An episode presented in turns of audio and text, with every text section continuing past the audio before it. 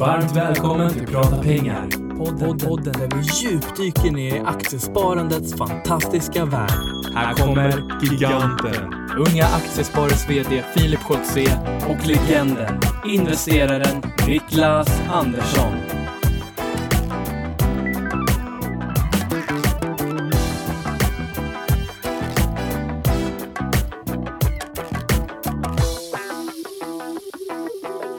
Då säger vi äntligen måndag och varmt välkomna till eh, podden Prata pengar.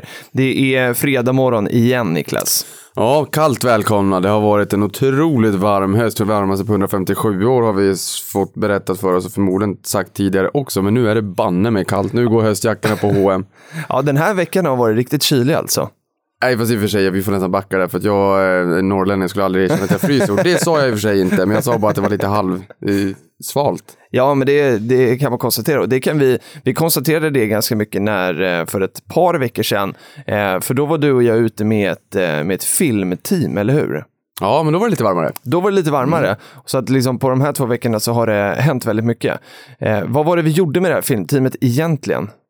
För vi gick ju ut på våra sociala medier, inte i podden tror jag inte vi hann det, men vi gick ut i sociala medier med att vi sökte en, en person, en kvinna, som, som eh, ville bli coachad av oss i sparande. Eh, och det hängde ihop med det här filmteamet som följde oss. Vad, vad var det som hände då? Mm, och där fick vi ju möjligheten, de ville väl göra en, en tv-produktion av Mm. Prata pengar och se om det skulle flyga. Så vi gjorde ett pilotavsnitt för det här. Mm. Vilket var väldigt, väldigt kul för det var ju ett nytt format för oss. Ja. Och en av scenerna så stod vi på världens största svenska shoppinggata, Drottninggatan. Och där pratade vi just om H&M och även det här med att det var, har varit väldigt kallt och att det faktiskt är, eller missgynnar konfektionsbolagen. Mm, exakt.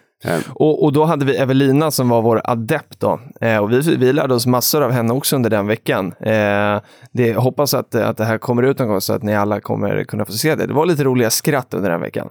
Ja, och lite andra roliga scener som kanske aldrig borde komma ut, men som faktiskt kanske kommer ut när. Filip blir lite mer färgglad. More to tell i framtiden på, på det temat. Men det vi vill säga med det här också är att det var jätteroligt att vi fick så mycket eh, respons i våra sociala kanaler och väldigt många som hörde av sig till oss ville vara med och vara den här adepten. Eh, och även nu så trillar det fortfarande in eh, ett par stycken om dagen som, som skriver om det här. Så varför vi går ut nu är egentligen bara för att säga att eh, ni, ni får jättegärna skicka in om ni vill, eh, men det kommer inte hända någonting här och just eh, nu. Eh, så, så, så vi tackar för att, att det är så många som är så engagerade och så får vi hålla oss till podden tills vidare. Så får vi se om det här blir något. Ja, för det är väl det. Jag får väl lite ont i magen när man inser att det är ändå många som tycker att det här skulle vara kul och samtidigt att man då inte kan möjliggöra och ta in för, för fler personer. Det gör att jag får lite ont i magen i alla fall. Men det, då är det tur att vi har podden. Och det kan ju bli så. Vi hoppas ju det att, eh, att fler ska få möjlighet. Och då har vi ju ett jätteregister med jättemånga som har visat intresse tidigare. Så det är Ja. jättekul. Ja. Eh, sen så, vad mer har hänt i veckan då? Eh, vi har, eh, jo, investerar-SM rullar ju nu. Vi hade ju Tommy Fransson från NGM här för, för två veckor sedan. Eh, och, Eh, och då lovade jag ju att jag skulle gå med i det här och, eh, och köra. Och nu är det fredag morgon när vi, när vi spelar in och jag kom med i någon sån här Twitter-profilsliga eh, med, lite, med lite andra. Det är Gotterix och det är Jocke Bornold och det är Snåljåpen och det är Starbreeze-mannen och alla möjliga. Eh, och eh, då så är jag med i den ligan och i den ligan så tävlar vi lite internt då. Och nu när det är fredag morgon innan den här dagen har öppnat så leder jag faktiskt när Hör och häpna Niklas. hur, hur är liksom analysen på det? För jag, det var någon som skrev till mig på, på Twitter att så här, ja men bra jobbat och eh, så. Och jag var väldigt ärlig tillbaka och sa så här att om jag ska vara helt ärlig så, så har jag aldrig handlat med sådana här produkter tidigare. Eh, så att jag vet inte riktigt vad, jag- vad jag gör eh, och ändå så hamnar man där uppe. Vad, vad kan vi dra för slutsatser av det? Nej, men jag tror att du svänger ut lite grann och, och kör lite högre risk än vad du skulle ha gjort kanske i ett sånt här investerar-SM också som är av lite kortare karaktär. Man skulle väl kunna säga att du tar en permobil eller en rullator från Investors innehav och sätter en turbo på den så det är tråkiga innehav som går lite fortare. Ja, men lite så. Ehm, men, men, eh, men hur känner du när, när du har en, den portföljen som du har byggt upp på investerar-SM, är det en portfölj som du skulle kunna tänka dig att äga utanför den tävlingen? Eh, nej, det tror jag inte. För att det är det som du säger, det är alldeles för hög risk. Och det, saker och ting händer ju väldigt snabbt. Nu tror jag att det enda innehavet jag har nu här på morgonen är en, eh, en eh, Mini Future Best, tror jag den heter till och med. Jag vet inte riktigt skillnad på Best och vanlig Mini Future. Men, men i H&M och att H&M ska gå upp lite grann. Eh, och den är lång då, så att jag tror att H&M ska gå upp. Eh, och den har jag tjänat ganska bra pengar på den här veckan. Eh, och, men jag, har- och jag har ju H&M i min portfölj normalt, men, eh, men jag skulle nog inte sitta med den hävstången som jag har idag, eh, som jag faktiskt inte heller vet vad den är exakt. Men, men det, är, det är ändå intressant. Det är kul att få se, det är kul att se att det är många som, som är väldigt duktiga att hantera det. Eh, men, men jag, eh, ja, det är, det är ju fiktiva pengar och det är väl därför som, eh, som jag vågar testa just nu. Mm. Ja, och det, det ska vi väl också säga när vi eh, pratade om, eller med NGM tidigare, att vi sa också i framtiden att vi kommer ta ytterligare ett avsnitt på den här typen av produkter för att få en förståelse för hur dag, eh, eller för att få en förståelse för hur produkter med daglig Just det. kontra lång hävstång Ja. fungerar. Fysisk eller eh, syntetisk Mm. replikering av underliggande tillgångar med mera. Mm. Så de som lyssnade på det avsnittet och känner att eh, de, de inte fick ut allt. Jag har inte sett den återkopplingen men jag kan tänka mig att den kanske kommer i framtiden. Innan den överhuvudtaget ens kommer så kan vi säga att vi kommer att fortsätta utbildningen kring börshandlade produkter och derivat. För det finns så mycket att säga. Ja, det finns hur mycket som helst. Och det är, de här produkterna är ju, eh, ja, det finns ju massa olika som vi säger här nu då. Och, eh, och bull och de här mini-futures och allt vad det är, varanter och sådär. Eh, och de, eh, på många sätt så finns det många likheter, men de är också väldigt, väldigt olika. Och passar då bra om man ska hålla kanske en dag eller eh, över lite olika tid och sådär. Så vi får komma tillbaka. Eh, Det är väl nästan egentligen som att jämföra om du skulle hitta en rulltrappa upp i Pajala. Det går ganska sävligt. Samtidigt som du kommer till Stro- Stockholm så är det stress. Det är ungefär samma sak. Det där Pajala, det blir en aktie som du äger långsiktigt lite eh, åt det hållet medan derivaterna här och hävstångsprodukterna blir rulltrappan på T-centralen. Det var kokar av folk som springer och är galna och stressade. Ja, galna kanske de inte är, men stressade i alla fall. Stressade kan det vara. Ja, men det är intressant. Jag tyckte att det var ett väldigt, eh, det var intressant att ha Tommy här också så att man får lära sig det här. För det är ju faktiskt en ganska stor del av, eh, som, av marknaden tror jag ändå. Man ser ju mycket av de här produkterna när man är ute på event och de marknadsförs hit och dit. Så, att, så det är, eh, även, om, även om jag känner att jag hade nog inte haft det i min portfölj normalt så är det väldigt kul att testa på. Det är lite utbildning i alla fall. Ehm, Så vi får se. Jag hoppas ju att jag vinner den här eh, kampen för att den som vinner de här Twitter-profilerna och vi får sätta det lite inom citationstecken så, så eh, får man en resa till Stuttgart tror jag och får gå på, på tyska börsen och besöka den. Och ett Porsche-museum tror jag. Ja, is it good? Så det kan bli kul. Eh, då kanske det får bli live från Tyskland, prata pengar. Vi får se.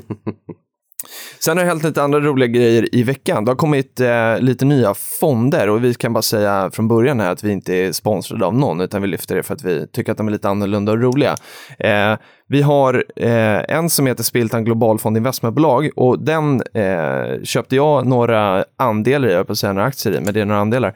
Eh, från dag ett för att jag tänkte att det var kul att hänga med och också vi som är lite yngre. Många fonder har ju funnits väldigt länge så vi som är unga har ju sällan fått vara med från början och det tyckte jag var lite kul att man fick vara med här. Du har ju intervjuat den här förvaltaren, vad, vad är det här för fond? Ja, precis. Jag intervjuade Jörgen Värmlöv där som sitter och ska förvalta den här investmentbolagsfonden, eller globala investmentbolagsfonden, för Jörgen förvaltar ju även Spiltan Aktiefond Investmentbolag. Som har blivit väldigt populär, men det är ju då svenska investmentbolag. Men den här fonden kommer ju att fokusera på investmentbolag fast på eh, global basis. Och det intressanta där är att det är inte så vanligt att bolag inom citationstecken klassas som investmentbolag Nej. i, eh, runt om i vida världen. Nej. Det där är ett ganska svenskt för, eh, Har vi någon definition på det? Ja, man skulle väl kunna säga egentligen investmentbolag är ju bolag som har som affärsidé att äga andra bolag, men det måste finnas mig veterligen någon form av transaktionsintensitet. Alltså att man inte bara sitter på de här innehaven i hundra år, för då blir man mer ett holdingbolag. Eh, man skulle väl kunna säga att Alphabet är ett holdingbolag till Google. Google var ju tidigare noterat.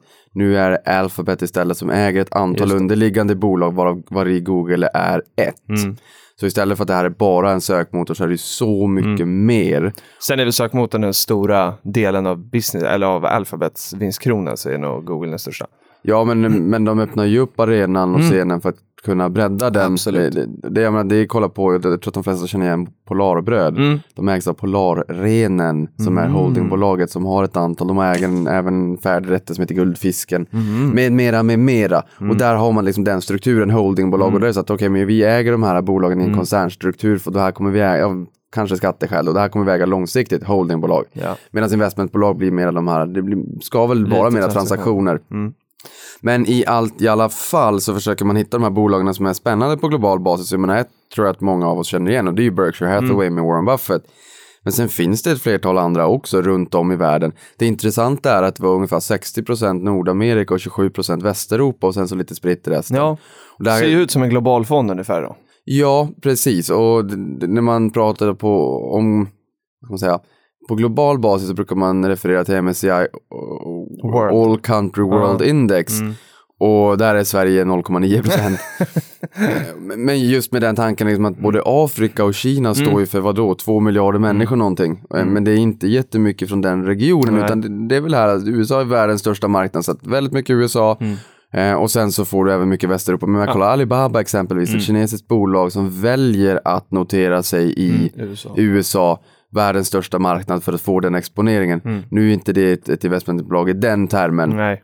Men i alla fall, det här, det här känns rätt spännande. och Man får även lite Investor. För Ja, att, 2 eh, procent eller sådär? Ja, Jörgen sa att Investor var ett väldigt stort, de är en starkt lysande stjärna på investmentbolagshimlen globalt sett.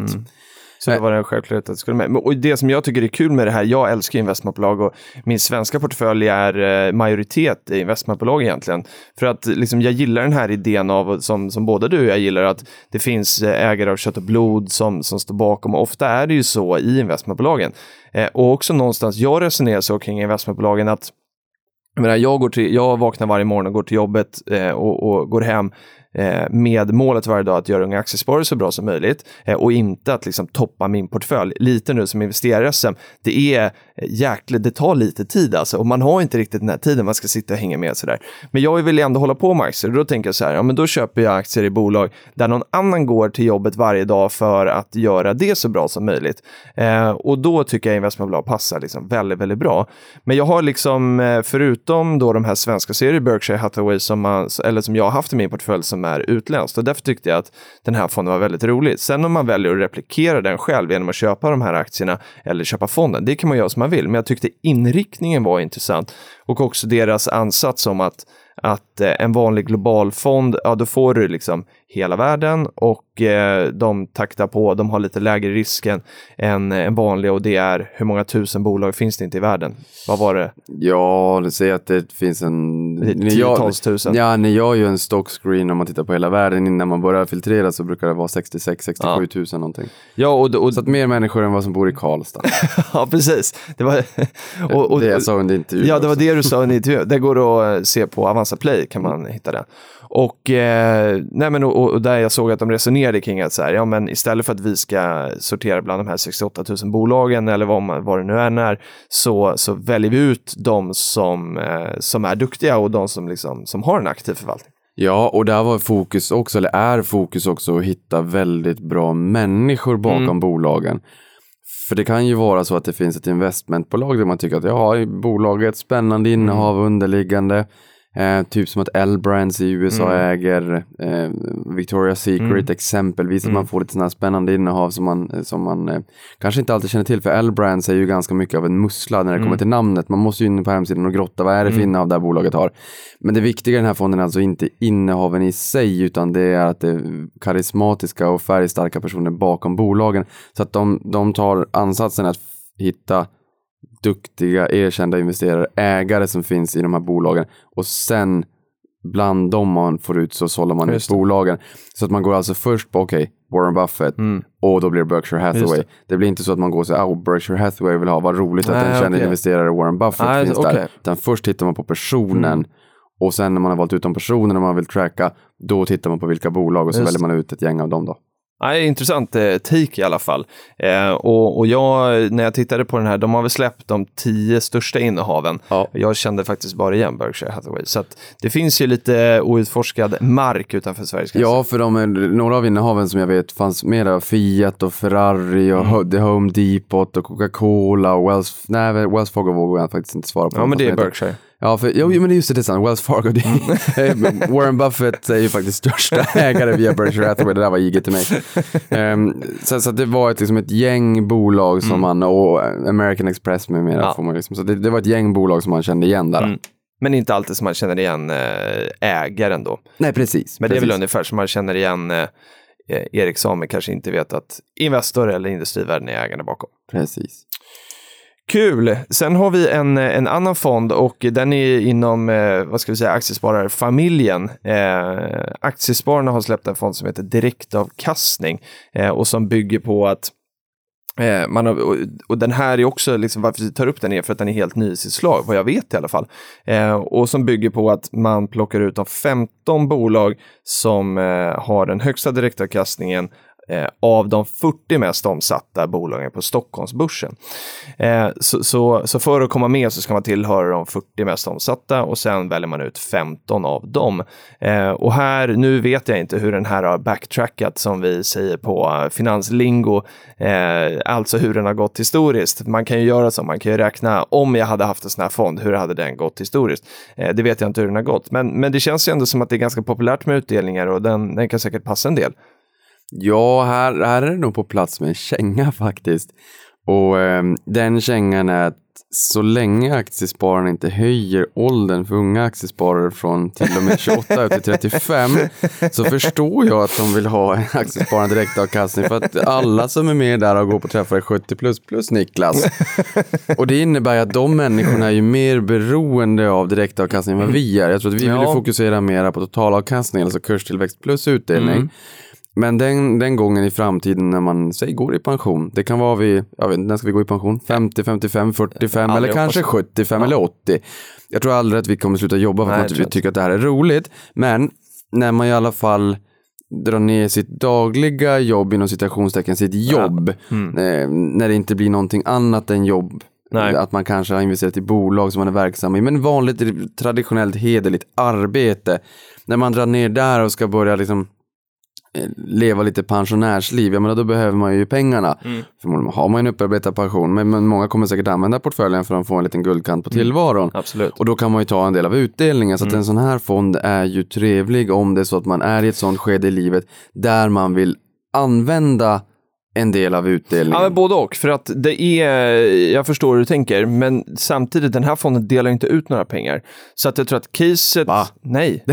Det, delar aktiespararna direktavkastning inte Nej, ut. utan är det jag tror snarare- åter, återinvesterings direktavkastningsfond? Ja, så att jag tror så här, snarare så tror jag att man har tittat på, nu, nu vet inte jag exakt, vi får fråga Thomas som förvaltar den här fonden, men, men jag tror snarare att det bygger på att, att eh, man har sett att de här bolagen som ger en fin eh, direktavkastning också har en, en totalavkastning som är väldigt bra. Så att jag tror faktiskt att, att det är det det, det bygger på. Vi, vi kan dubbelkolla det, men, men den delar alltså inte ut. Och det låter, i- blir lite paradoxalt när den heter direktavkastning. Då är jag lite nyfiken vad alla våra aktiesparare ute i Sverige kommer att säga, för de kommer vilja ha utdelning. Ja, det tror det. Både på stämman, ju kladdigare kaka desto bättre, och man vill ha utdelningen från fonden.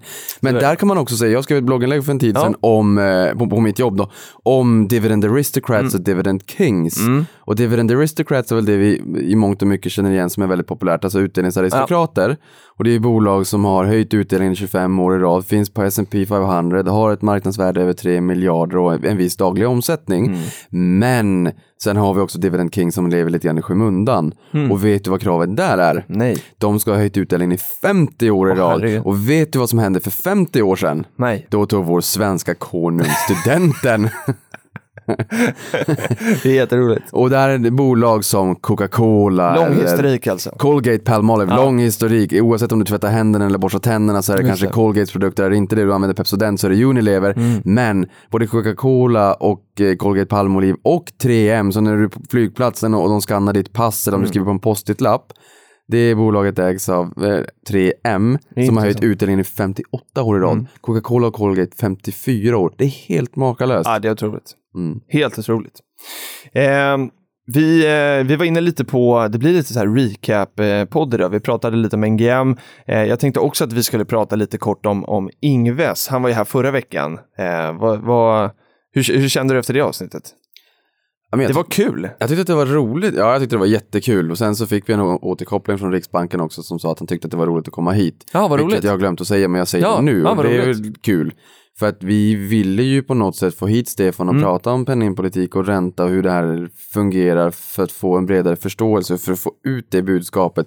För det är en otroligt konstig värld vi lever i just nu. Ja, det är otroligt. Så det var väldigt roligt att han kom hit.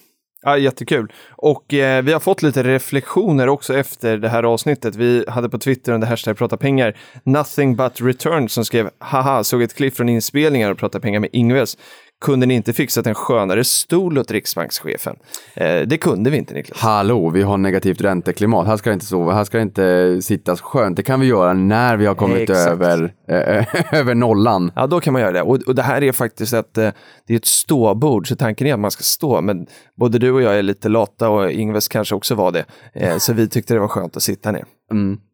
Eh, sen så fick vi också en, ja men så här, Ingves, vi pratade ju en hel del om eh, eh, nettotillgångar och skuldsättning i hushåll och staten och liksom, jag har reflekterat ganska mycket liksom kring det här avsnittet och för vi pratar ganska mycket om nettotillgångar, eh, att det är, så här, ja, men det är helt okej att ha skulder så länge man är positiv Eh, eller liksom ha positiva tillgångar. Netto ska vara positivt.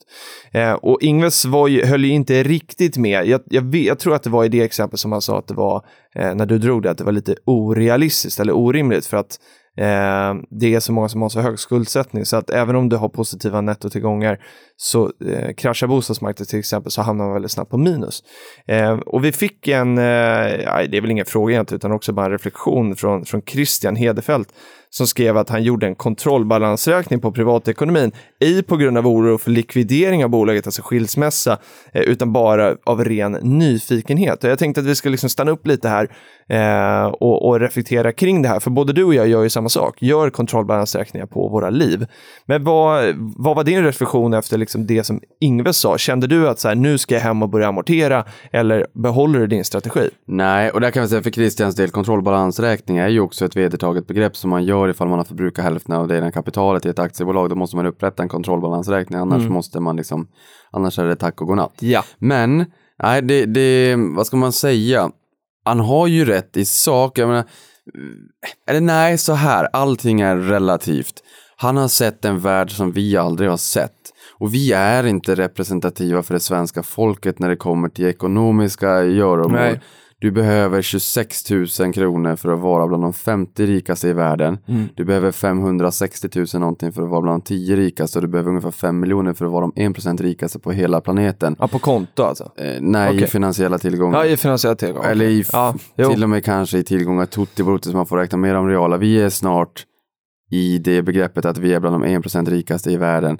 Mm. Och det finns ju de som är ultrarika och löjligt rika till Jo, de som bara, bara inom citationstecken har 5 miljoner. Men det är, så här, det är ganska skevt. Mm. Därför att om man säger att vad var det, två av tio svenskar kan få fram 10 000 kronor Mm. på kontot ifall det är så att, att någonting händer Mm. eller tandläkarräkning eller vad det än är. Men jag tror att för den här podden, det vi gör, vi riktar ju in oss till en målgrupp som antingen är intresserade Mm. av, spara, eh, av sparande Mm. eller vill bli. Mm. Och jag tror att Stefan pratar nog om hur de dana tingen är.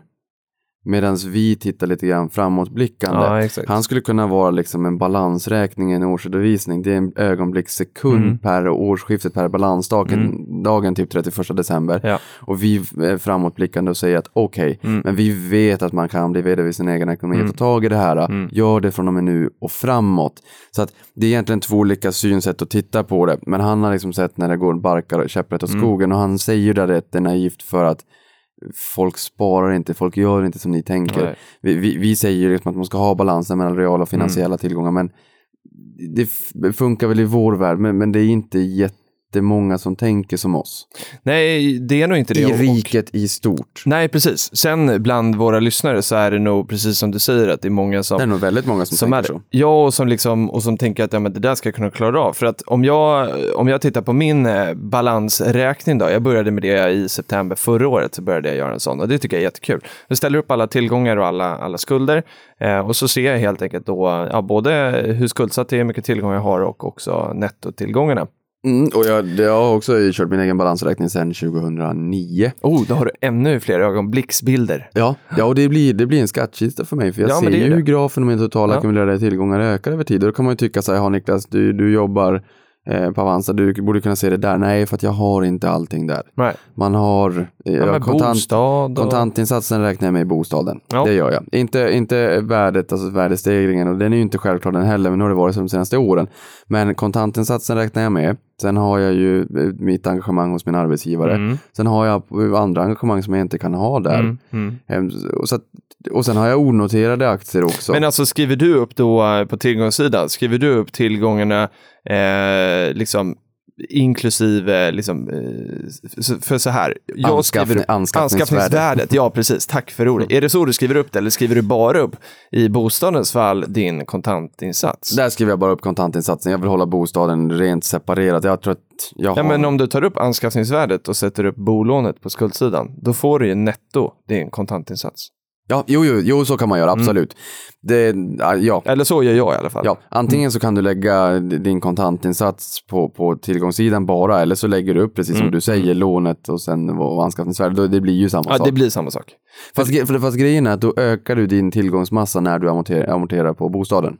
Ja. Och det är så där vill inte jag se det. Varför då? Därför att jag vill hålla bostaden helt utanför för att jag vill att min tjej ska Ah. vara med på bostaden framåt. Jag har bara inte fått tummen ur och skriva de papperna. Ja, Så att jag vill bara, jag vill ha min kontantinsats, sen bryr inte jag mig. Jag tror att i Stockholm är galet, det kanske är en miljon i övervärde i dagsläget, men den finns inte för att det är så här att okej. jag, jag ger bort hälften till henne. Ja, okej. Ja, men då det, det, det blir jag. så här bara lullull liksom. Ja, jag fattar. Men och man får väl tweaka det där lite som man vill. Och, eh, Man får tweaka det helt som man vill. ja, ja, så att det passar en själv. Det Ja. finns ju inget rätt och fel när Nej, man gör sin finns egen det- balansräkning. Nej, här tycker inte jag heller att det finns något rätt och fel. Eller ja, det, det ska ju, siffrorna ska ju stämma. Men hur man väljer att presentera vilka siffror man väljer att lyfta in, det får ju vara upp till en själv. Ja, men lägg inte in värdet på den senaste värderingen som någon mäklare har gjort när de, Nej, men skickar, ett, jag. när de skickar ett fysiskt papper till dig och säger du, vill du sälja? Jag har sålt för 140 000 Ja. kvadraten. Räkna inte med det. Nej, men utan- jag har gjort så här, jag köpte min bostad för två miljoner. Då har jag satt upp två miljoner anskaffningsvärde och sen får jag ett sms från en mäklare, jag gjorde en värdering en gång. Så jag får ett sms från den här mäklaren en gång i kvartalet och nu senast var det 2,5 kanske då. Eh, då skriver inte jag upp det, för det gör att min kurva blir helt galen. Ja. Däremot kommer jag ta upp det värdet vid nästa anskaffning då som jag köper en bostad. Så då sker den transaktionen. Men, men det är ganska intressant att följa tycker jag. Och, och om jag tittar på mig, jag är ju enormt skuldsatt. Eh, för att jag har, och mina nettotillgångar är inte jättestora, för att jag har ganska mycket bolån. Eh, och ändå välja liksom att, eh, att spara och liksom, eh, för att liksom bygga upp de finansiella tillgångarna också. Eh, där kunde man ju ändå då känna så här att ja, men det som Ingve säger här, eh, han som har sett eh, nu höll jag på att säga helvetet från insidan, men han har väl gjort det i vissa fall och sett hur det liksom verkligen kan gå till när det, när det, när det brister. Eh, och och där, det, det gav mig i alla fall en tankeställare efter att vi hade intervjuat honom så här, ja men gör jag rätt eller ska jag fokusera bara på att jobba ner den här belåningen på bostaden? Eh, fast jag landar ändå i att så här, nej men jag vill ju ha den här balansen, för även om det tar en bit dit, just nu så är liksom alla mina, eh, största delen av mina tillgångar är min bostad eh, och det som kommer påverka min ekonomi mest. Men, men det gäller ju att tänka långsiktigt. Ja, och nu, är jag, nu låter jag säkert torftig, men jag menar det största vaccinet egentligen mot att eh, gå i personlig konkurs om det så skulle gå åt fel Mm. håll och barka åt skogen, det är att köp bra aktier som Mm. du tror på, var långsiktig, spara löpande. Det låter jättetorftigt och det låter som hjälp på kavajslaget, men det är ju så. Ja, är så. Finanskrisen, den, den, den värsta krisen i modern tid, Mm. som vi fortfarande har tagit oss ur och det är strukturella utmaningar och en bräcklig konjunktur globalt som sakteligen börjar komma igång. Mm. Men finanskrisen höll på från 13 Mm. juli 2007, gick ner någonstans 30 procent. Sen small det i USA den 15 september Mm. 2008 när Lehman Brothers, världens största konkurs, 10 000 miljarder Mm. eller 42 procent stö- större än hela svenska sparmarknaden. Allt, Det har jag sagt förut, jag vet. Ja, ja men det är All- intressant. all, all inlåning på bank, alla aktier, alla fonder, alla pensionspengar, allt. Mm. Varenda svensk medborgare, 10 miljoner människor nästan. Mm. De var alltså 42 procent större än det och det small. Eh, sen gick det ner ytterligare ungefär 30 procent fram till oktober. I Innan slutet på oktober och då vände det. Det är så här, den värsta finanskrisen i modern tid varade 473 Mm. dagar. De som handlade där gjorde förmodligen den bästa affären i sitt liv. Vi, vi hade eh, IT-kraschen som Mm. eh, jag tror att den började smälla eh, 7 mars 2000. Den var det 972 dagar. Mm. Men skulle jag vilja säga, jag vet inte om det var en riktig krasch eller inte. För grejen är att om ni tittar Det på den där kurvan. Ja men det var ju en raket rakt upp, upp, upp som en sol och ner som en pannkaka. Så backar man bak ett år innan den här spikraka kurvan uppåt. Då var det en ganska lugn börsutveckling. Och kom ihåg, eller snarare kom detta ihåg att Ericsson stod för 48 procent av index. Ja. Det, det var liksom galna värderingar. P-tal, alltså hur många gånger årsvinst man betalar för bolag, långt över 100 var vardagsmat. Det Och nu ser vi inte idag på samma sätt. Och nu tycker man i finanspress att börsen är dyr när den handlas i ungefär 16. Ja, nej, det är, det är lite skillnad, men det är, ja, jag tycker ändå att det var intressant och det är bra att få de här tankeställena och det var ju det som Ingves också sa som tips till, eh, till både dig och mig och våra lyssnare att så här, ja, men fundera kring liksom ekonomiska ting och, och hur det fungerar och hur, det- hur det hänger ihop. Eh, För då, då tror jag att man hittar liksom sin egen strategi och när liksom, här känns det bra liksom i magen. För det är det viktigaste. Men vi, och sen är vi som sagt, vi är inte representativa för Nej. svenska befolkningen. Nej. För att vi tycker Vi att det här önskar är att vi vore nej, nej, det, nej, det gör jag nog faktiskt. Eller ja, nej, nej, det gör jag inte. Jag önskar att svenska befolkningen blir lite mera som oss och våra lyssnare. Att man inte behöver sticka huvudet i sanden, att man inte Ja, nej, behöver nej, ha ont i Nej, magen, menar. att man inte behöver ställa in sin semester, att man inte är Mm, orolig för hur mm. barnen ska ha råd med det här kollot eller vad det är, Mm. utan att man kan leva livet på det sätt man vill Mm. faktiskt och inte måste. Och sen just det som Stefan Ingves sa också, när, när, när det blir problem. Jag har en kompis, Erik, som brukar säga när, when the shit hits the fan. Ja. Och att man, eh, eh, att man där får titta på hur ser mina tillgångar ut ifall det verkligen smäller.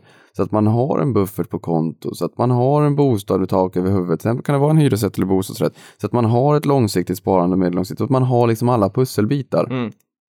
Exakt. För, för jag tror att livet är lite grann som en schweizerost det finns många hål att fylla med Goa ting. Ja men olika krockkuddar. Ja. Volvo brukar klassas som den säkraste bilen och man Ja. banne med krockkuddar kuddar överallt. Det är så att man knappt får plats i bilen för det är krockkuddar till höger och vänster. Mm. Har de krockkuddarna i, i, en, i din privatekonomi också? Ja, exakt. Ja, men, och, och, och de krockkunder, det är det jag menar med goda ting, de, eh, de behöver inte vara tråkiga. Alltså nu när du pratar om mjäll på kavajslaget och sådär, det är inte så tråkigt.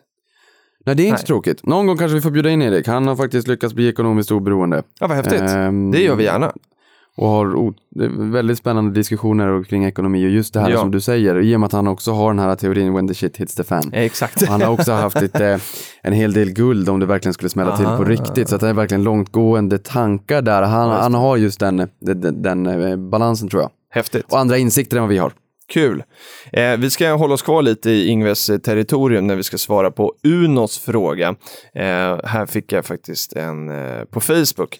Eh, vi håller på, ska vi säga också, titta på hur vi ska eh, samla ihop alla frågor. Vi tror att det kommer komma en mailbox inom kort, så att det blir lite lättare för dig och mig att hålla koll på alla frågor som kommer in. För nu är det ganska spritt, men Ja. vi återkommer kring det. Det, enda jag vill säga nu, vi måste komma igång med frågorna också så att vi hinner med det. För tid är ju verkligen en bristvara i den här världen. Men en grej som jag tycker Stefan Ingves sa som var intressant var att guld är ingen annans skuld. Nej, jag tänkte Och det var ganska det. intressant. Ja, det var jätteintressant. Jag funderade mycket när jag korrade eh, avsnittet, eller lyssnade igenom innan det kom ut, så liksom, jag fastnade verkligen vid den. Att så här, ja, vad betyder det här egentligen? Och sen har vi fått ett rätt bra exempel därefter. Mm. Och det är Deutsche Bank. Ja, Som sa att det kan vara människor som sitter med ETFer och ETN, alltså ex Exchange Traded... Eh, product, eh, FR, funds, ja förlåt, och note. That exchange traded funds, ex exchange traded notes. Eh, alltså börshandlade fonder och börshandlade, eh, Ja, är det certifikat notes eller? börshandlade jag vet. papper. Nej, jag vet inte den, den rätta översättningen. Men i alla fall, så det intressanta där är att det kan vara människor som sitter antingen med produkter som är emitterade av Deutsche Bank eller Mm. Ja, Ja, det är motpartsrisken du vill ja, komma till. Mm. ja, an, ja, precis. Antingen emittentrisken, att de är emitterade av Deutsche Bank, alltså utgivna av, av, av dem. Ja. Eller att man har motpartsrisker, att man kanske har en produkt som är emitterad och utgiven av en firma Mm. men som har stora åtaganden sinsemellan med Deutsche Bank så att det blir den här spridningseffekten som Ja. fick se med Lehman Brothers också. Vem sitter på, vem, vem sitter på Svarte Petter? Skulle man kunna dra ett, för att förstå det här med motpartsrisk, skulle man kunna dra ett exempel så här att när du har pengar på ett sparkonto eh, så vet du att nu har du insättningsgaranti eh, på, på de flesta institut, i alla fall upp till 950 000. Om du har mer pengar så den här institutet går i putten, då losar du ju de pengarna. Ja. Eh, och så skulle man väl kunna säga att motpartsrisk eller emittentrisk också är. Ja, Mm. Det är det. Det är lite samma sak. Eh, För Det är jag, inte helt självklart vad, liksom, om du köper ett eh, en ETF eller någon, någonting annat och sen eh, går banken i putt och så då har du torskat. ja. Mm. jag försökte också googla upp det här Exchange Traded Notes för att jag, jag, Ja, jag, ja. jag tänker mig det som, alltså, som räntepapper typ. Ja. Men, men, men eh, det, vi, det är, finansspråk är så mycket engelska. Ja, det är det. Men det är... Blev du då klokare? Var det? Nej, jag blev klokare. Vi släpper det. Någon i Twitterflödet kanske har koll. Nu till Uno då. Eh, han säger så här, hej Filip, nu Niklas, nu var det jag som fick en fråga här. Det lever kvar det där. det är roligt. Eh, vill först och främst tacka för en grym podd som du och Niklas levererar. Tack, tack. Ja, Certifikat. certifikat. Certifikat. Sa inte jag certifikat? Nej, jag vet inte, men det borde vi ha tagit. Nu tillbaka till Uno. Så skäms, note- skäms på oss. Note var certifikat alltså. Ja. Bra, men då sa jag rätt. Tror jag. Vi får se när vi lyssnar. företagscertifikat är de här korta räntepapperna också. Ah, okej. Kör. Uno säger då, har lyssnat på 35 avsnitt på två, tre veckor. Herregud. Eh, och hoppas du, om du har en partner, hoppas du gör det tillsammans med din partner så att ni eh, får, får dela på det här. Annars har han varit en upptagen man. Eh, min fråga till er som vore extremt kul om ni kunde ta upp i podden och som jag vet att många i min umgängeskrets undrar över är hur ser ni på bostadsmarknaden i Stockholm idag? Och då undrar han bostadsrätt versus hyresrätt. Har alltid tänkt att jag ska köpa en lägenhet men sparat ihop till en insats eller och sparat ihop till en insats. Men desto mer jag läser på så blir jag mer och mer övertygad om att välja hyresrätt. Intressant. Dels för att kunna sätta in insatsen i aktier istället, men också för att månadskostnaden blir lägre i en hyresrätt och då kan jag sätta om mer till portföljen varje månad. Eh, han avslutar med, som jag har förstått det så har ni båda köpt bostadsrätt och det finns nog inget rätt eller fel i frågan, men det vore otroligt intressant att höra er två diskutera i podden, speciellt nu med rådande marknad och räntor som troligtvis kommer att stiga. Vi eh, blir kvar i, i lite Ingves domäner. Eh, ja, vad säger vi här? Det här var en jättekul fråga tycker jag. Ja, och Ska du eller jag börja? Ja, men både du och jag äger ju våra bostäder. Ja. Och man skulle väl kunna säga att hyresrätter, Mm. de, det ingår ju och bakas ju in i hyran att det här bolaget ska göra en vinst. Yes. Och den vinsten vill inte jag ge till det bolaget utan den vill jag få själv. Ja. Och i Sverige så köper vi ju inte bostad för att spekulera utan vi köper bostad För för att att, bo. Men du har ju det här spekulationstemat har du haft i Kina, vi hade det i USA innan, innan det small på bostadsmarknaden. Och eh, det man också kan tänka på, visst räntorna är låga i dagsläget, priserna är upptrissade, men sen finns det ju andra, det finns ju andra ställen att bo på i Sverige förutom, förutom Fjollträsk så att säga, där, där priserna är väldigt höga Ja. eller har blivit väldigt höga. Men likväl så när räntorna Eh, räntorna är låga nu, priserna är höga. Det borde finnas den här effekten att när, när räntorna stiger så naggar det på priset på en bostad. Mm. För det är inte konstigare än så att folk tittar på hur mycket, hur mycket Mm. pengar får jag in varje månad, hur mycket kan jag lägga på min bostad, går räntekostnaderna upp så kommer man inte på marginalen betala lika mycket för bostäderna. Nej. Det bara, är, det, det, bara är så. Sen kan det bli så att det blir en segregering av folk som har pengar, eh, bor i, i city, att vi får en, i, nu har vi pratat Stockholm nu då, Mm. bor innanför tullen, att vi kanske får en segregering på lång sikt och det hade väl varit tråkigt. Jo, verkligen. Eh, men, men i dagsläget, går räntan upp så kommer priserna att gå ner. Hur mycket det har jag ingen aning om. Nej, och jag, det som jag tycker är intressant här är att han säger att hyresrätterna, när han tittar på det så, så tycker han att månadskostnaden borde bli lägre. Och det är ju inte min bild. Eh, jag har kompisar som bor i hyresrätt och jag betalar nog i alla fall hälften så mycket i månadskostnad för mitt boende jämfört med vad de gör. Då har jag ganska mycket lån. Och just avgifterna här är ju, det är ju, det är ju självkostnaden när du kommer till en bostadsrätt. Sen kan ju bostadsrätterna också ha lån. Ja, Och där är det lite jobbigt, för har du en bostadsrättsförening som har väldigt mycket Mm. lån, så kan det ju bli lite jobbigt när vi får en åtstramande penningpolitik och när eh, räntorna stiger. absolut. För är det Avgifter så att man har slimmat den här avgiften, för där, även där har du ett signalvärde, har Yes. du låga avgifter, det trycker upp värdet på bostaden. Det är klart att du vill, om vi leker med tanken att vi pratar om en etta, Mm. det är klart att du är på marginalen beredd att betala mer för en etta som kostar 900 kronor i månaden än som kostar 3. Ja, absolut. Eh, så är det. Yes. Sen är, sen är det ju en av flera faktorer såklart. Man vill ju också ha utsikt annat än en, en vägg när man tittar ut. men, men vi har ju en avdragsrätt på räntekostnaden. Så den, den, Den får man tillbaka. där man får tillbaka 30 procent av Mm. räntekostnaden. Så att du, du får liksom ta din bolåneränta på 1,5 procent. Mm. Vi tar 1,7 för det, det blir väl 1,19 Jo. tror jag. Mm. Eh, så att den, räkna inte amorteringen som en kostnad. Det är alldeles för många som gör det. Jag, och, och det här, det, det är en kassaflödespåverkande post. Det, det är pengar ut. Mm. Du måste betala 3-4 tusen kronor Mm. i månaden i amortering eller vad det kan tänkas vara. Men det är ingen kostnad, det är ett dåligt sparande. Men det är ingen kostnad. Nej.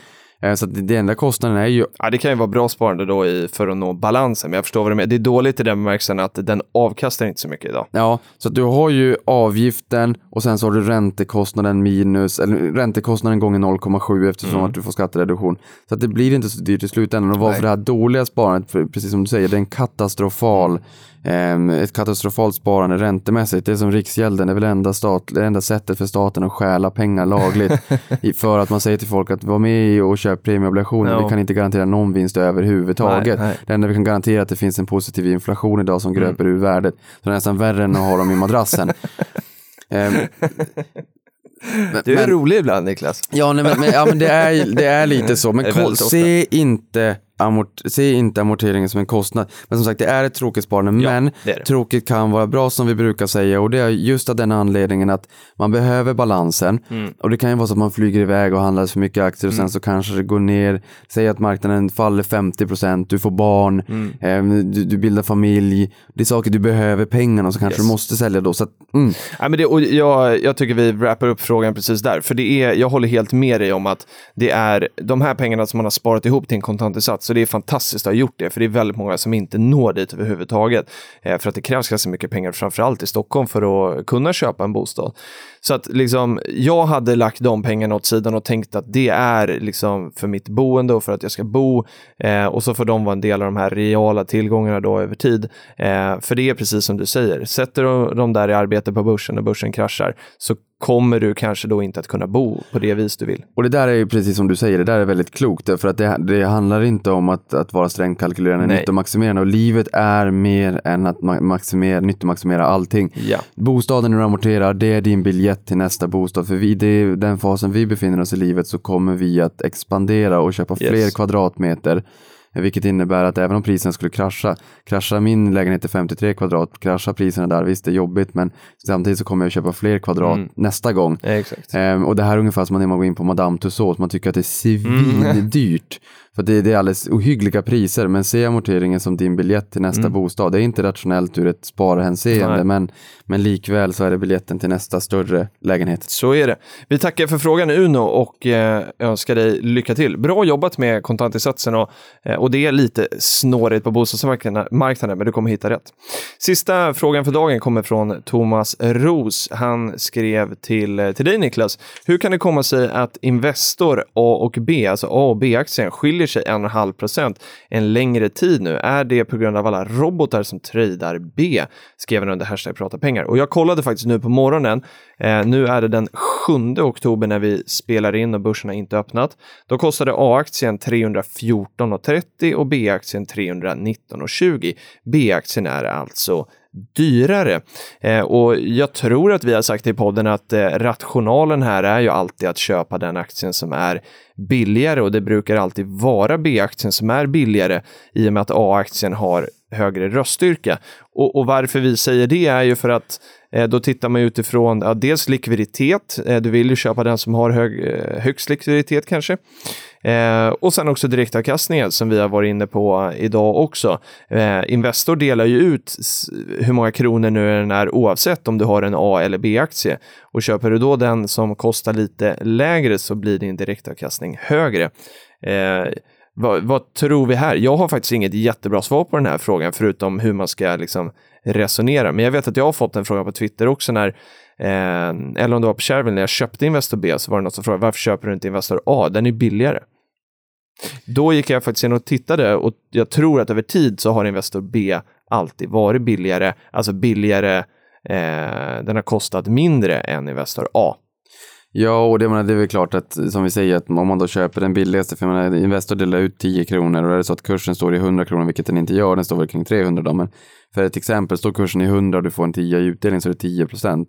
Om kursen istället skulle vara 50 Mm. kronor och du får den här 10 då är det ju faktiskt 20 procent i utdelning. Ehm, så att visst, man kan ju alltid köpa den aktien som är billigast, eh, som då har samma utdelning i kronor och ören för att få så hög direktavkastning i procentuella tal som möjligt. Men vi brukar ju som sagt då säga att man ska köpa den aktien som har eh, som, som är mest omsatt. Ka- Eller både kanske billigast och mest omsatt, men i det här fallet så är det ju precis tvärtom. Ehm, jag skulle säga att man alltid får gå på den aktien som är mest omsatt. Alltså den som, där det köps och säljs mest och den som är mest likvid. För att det här kan bli en, lite grann också, det är inte rätt användning i, i, ordets rätta mening, men det kan bli lite av en, en value trap. Det är, Men jag, jag tror, eh, bara bromsa lite, för att jag tror att jag har kollat på Atlas Copco i det här fallet eh, och att Atlas Copcos A-aktie är mer omsatt än B-aktien, men B-aktien är billigare än A-aktien. Och eh, B-aktiens omsättning är ändå så pass hög så att en vanlig privatsparare som du och jag kommer absolut klara av att, liksom, eh, eh, att få våra aktier sålda eller köpta. ja, men då, då kan man köpa Investor B. Så man ska väl lägga ihop de här... eh, Eh, Ja, man får titta lite grann på faktorerna. omsättningen. För att jag menar att det här med den här prisbilden som jag sa. eh, Om, om man säger i Stockholm att bostadsmarknaden har gått upp 5 procent. Ja men fine, det är ett antal hundra av slutförsäljningar som, som borgar för den prisbilden. Men om du tittar på Boden exempelvis och det har sålts en bostad eller två bostäder under sommaren och en bostad såg ut som hej kom och hjälp mig och var riktigt nedgången och sunkig och den andra var så topprenoverad, lyxrenoverad. Men de var lika stora båda två. Så kommer ju, om, och vi säger att bara den här lyxlägenheten säljs då och för tre gånger så högt kvadratmeterpris. Har bostadsmarknaden gått upp då? Nej, Nej. förmodligen inte. Nej. Det var det enskilda caset, den enskilda försäljningen Exakt. som drog upp priset. Det är inte nog många avslut för att ge en rättvisande bild. Nej. Och det här kan hända i aktier också. Självklart. Vi var med på börsen när fastighetsbolaget Brinnova IPOade, så när vi säger IPO, Initial Public Offering eller Yes. börsintroduktion. Och Eller var det bara en notering?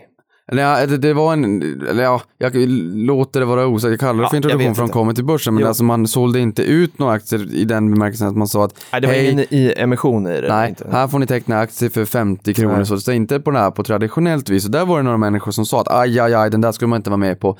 Men, men här är det ganska viktigt att det var inte den här traditionella IPOn heller, utan var, det var ägarna, de satte det på börsen, det kom lite omsättning, fanns lite lik- Mm. likviditetsgaranter på, på vad heter det, analyshusen som satt och, och, säkerställde att det fanns lite omsättning i aktien.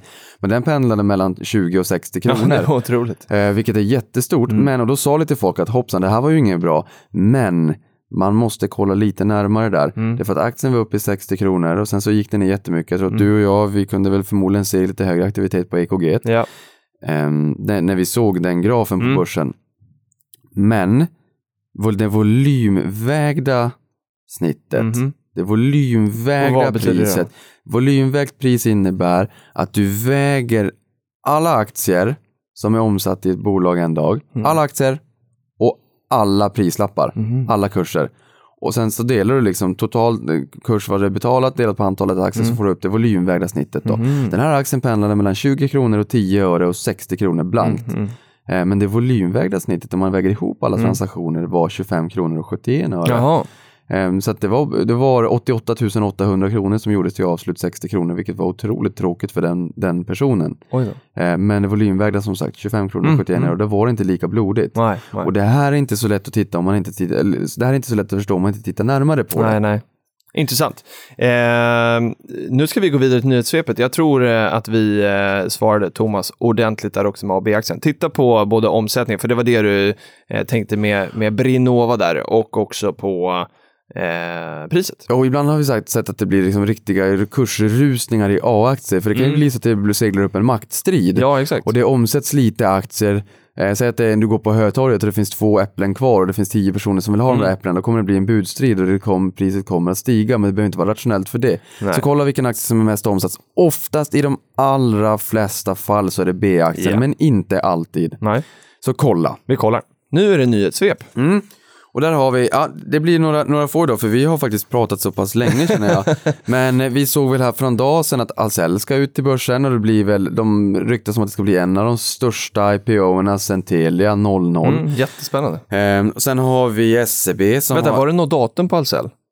Är det ute? Nej, jag vet inte. Nej. Jag har inte sett Låter det datum. vara osagt. Låter Ja. det vara osagt. Men det, det kan finnas det. Och även Anticimex då som har varit på, på G länge. Mm. Jag hoppas verkligen att de får tummen ur och kommer till börsen. För det hade varit lite roligt. Det blir ju väldigt konjunkturokänsligt. Bad bugs don't read the Wall Street Journal. Det spelar ingen roll om det är finanskris eller inte. Du vill ha bort dem.